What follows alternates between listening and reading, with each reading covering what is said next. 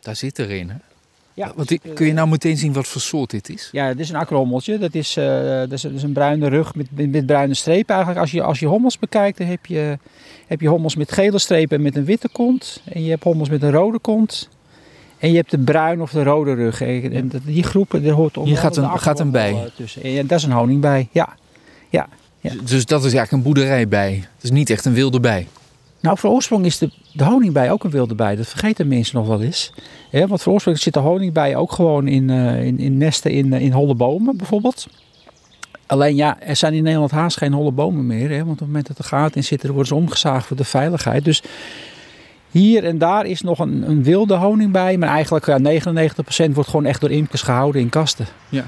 Toch denk ik dan, dan is er misschien wel weer een ehm, betere toekomst voor de wilde honingbij. Want eh, de bomen in ons land worden steeds ouder. Eh, de trend van het maar opruimen van het oude dode hout is ook wel een beetje voorbij. Daar waar het kan blijven ze vaker staan. Eh, er zijn meer spechten die aan het timmeren zijn op de bomen. Dus misschien voor die honingbij dat, dat die toch wat op meer plekken weer, weer wild kan worden. Dat, dat, dat, dat zou kunnen inderdaad. Maar goed, tot nu toe, wat wij zien is eigenlijk nog heel weinig eh, wilde honingbijvolken. Eh, Ja. dus, dus de meeste worden gewoon echt door, door eh, bijenhouders gehouden in kasten. Honingbijen, daarvan weten we dat ze belangrijk zijn. Ze- ze maken natuurlijk honing, daar zijn we blij mee, dat is lekker. Maar ook voor de bestuiving. Hoe belangrijk zijn al die soorten wilde bijen die er zijn? Want dat zijn er heel veel.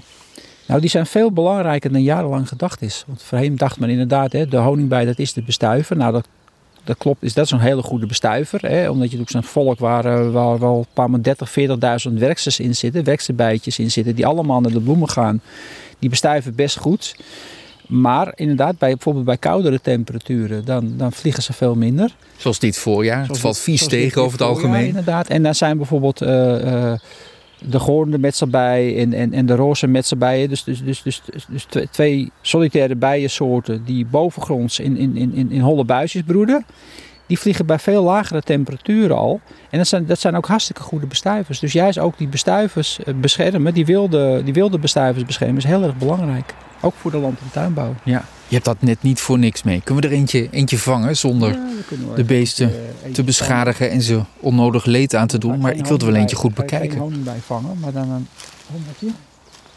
Hup, netje erop. Moet je erop.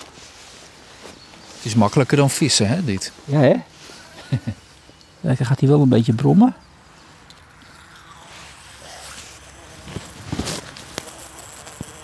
Kijk, hier zie je heel mooi? Dat is inderdaad een akkerhommel, een bruine rug.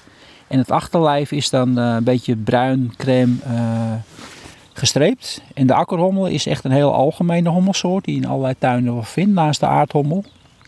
De akkerhommel broedt bovengronds in hooggras. Dus ook daarom is het belangrijk op sommige plekjes ja, een beetje wat rommelig te laten in jouw tuin. Een hoekje of zo waar je wat hoog gras laat staan en dat soort zaken. Maar soms zitten ze ook wel op, onder, een, eh, onder een vuilniscontainer die gewoon vanwege de vakantie een hele lange tijd niet is verplaatst. Mooie beestjes, hè? Als je ze zo kunt bekijken, zo in alle rust. Ja. Vaak zijn we er een beetje bang voor. Doen we nog denken aan, aan wespen en zo, dat ze zullen steken. Ja, maar hommels, Maar- hommels zijn heel erg... k- kijk, ze, dit vinden ze natuurlijk niet fijn. Hè, dat ze even in, in, een potje zit. En daarom maakt het nu ook alweer eh, weer los. Dan gaat, vliegt ze wel weer weg. Kijk, je hoort er nu eventjes zoomen. En weg. Nee, maar hommels zijn gewoon hartstikke zachtaardig. Eh we krijgen heel vaak in het voorjaar mensen die zeggen... ik heb een hommelnest in mijn tuin en wat moet ik ermee doen? En dan adviseren we echt altijd van laat die hommeltjes lekker leven. Eh, ja, ze, ze, doen je niks, ze bezoeken de bloemen. Eh, het enige kan zijn dat ze, dat ze een keertje als je langs het nest loopt... eh, dat ze net opvliegen, want ze zijn vrij zwaar. Het is net zo'n zo'n jumbojet, zo'n groot vliegtuig. Dat ze even per tegen jou aanvliegen omdat je er voorbij loopt. En dan zelfs dan gebeurt er nog niks. Ja, alleen de mens heeft soms de neiging om dan uit schrik te gaan slaan. Ja, en dan zou het kunnen gebeuren. Maar zelfs dan ge- gebeurt meestal niet dat, dat je gestoken wordt. En al die solitaire bijensoorten, al die kleine bijtjes die in bijenhotelletjes zitten, die, eh, die hebben ook wel een angel. Maar die angel is dusdanig klein dat die eh, eigenlijk niet eens door je huid heen komt. Dus die kunnen je eigenlijk niet eens steken. Dus vandaar dat we ook bij bijenhotels en zo zeggen, joh, ga er rustig met kinderen bij kijken, want er gebeurt gewoon helemaal niets. Je hoeft helemaal niet zo bang te zijn.